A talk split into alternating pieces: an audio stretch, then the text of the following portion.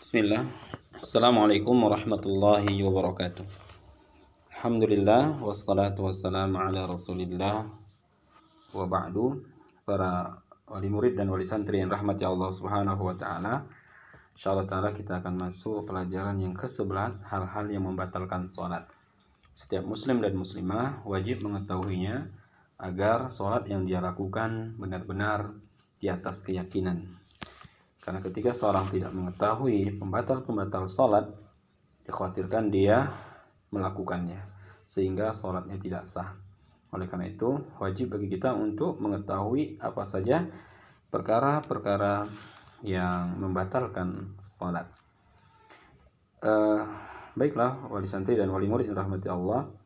Yang pertama, berbicara dengan sengaja.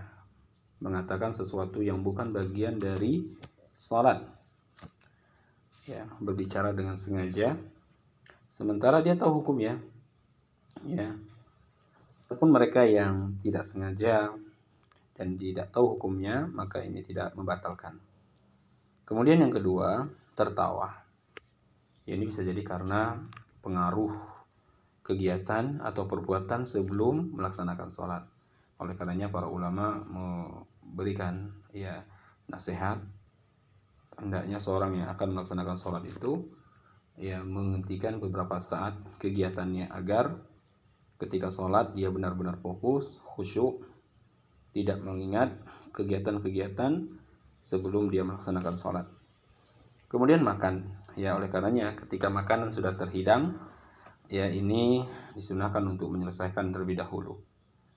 Ya makan dengan sengaja di dalam sholat ini membatalkan uh, sholat oleh karenanya disunahkan sebelum sholat itu bersiwak agar e, dipastikan tidak ada sisa makanan di dalam mulut. Kemudian minum dengan sengaja. Ya minum dengan sengaja. Ini juga membatalkan sholat. Kemudian terbukanya aurat.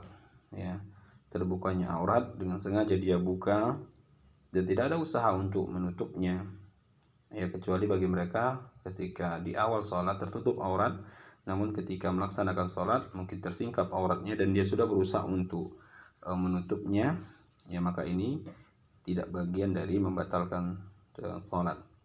Kemudian e, menyimpang jauh dari arah kiblat. Artinya dia sholat tidak mengarah kepada kiblat. Ya atau membelakangi kiblat sengaja membelakangi atau e, ya sangat jauh ya menyimpangnya dari arah kiblat banyak bergerak gerakan-gerakan yang tidak perlu dan ini terus-menerus dilakukan. Karena sholat itu perkataan dan perbuatan yang khusus. Ya, tidak boleh perkataan dan perbuatan itu dilakukan kecuali perbuatan dan perkataan yang telah dikhususkan oleh syariat di dalam ibadah sholat.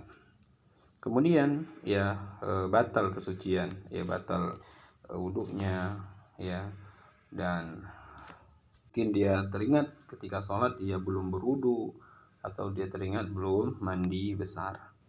Nah inilah delapan perkara yang membatalkan sholat. Mudah bermanfaat.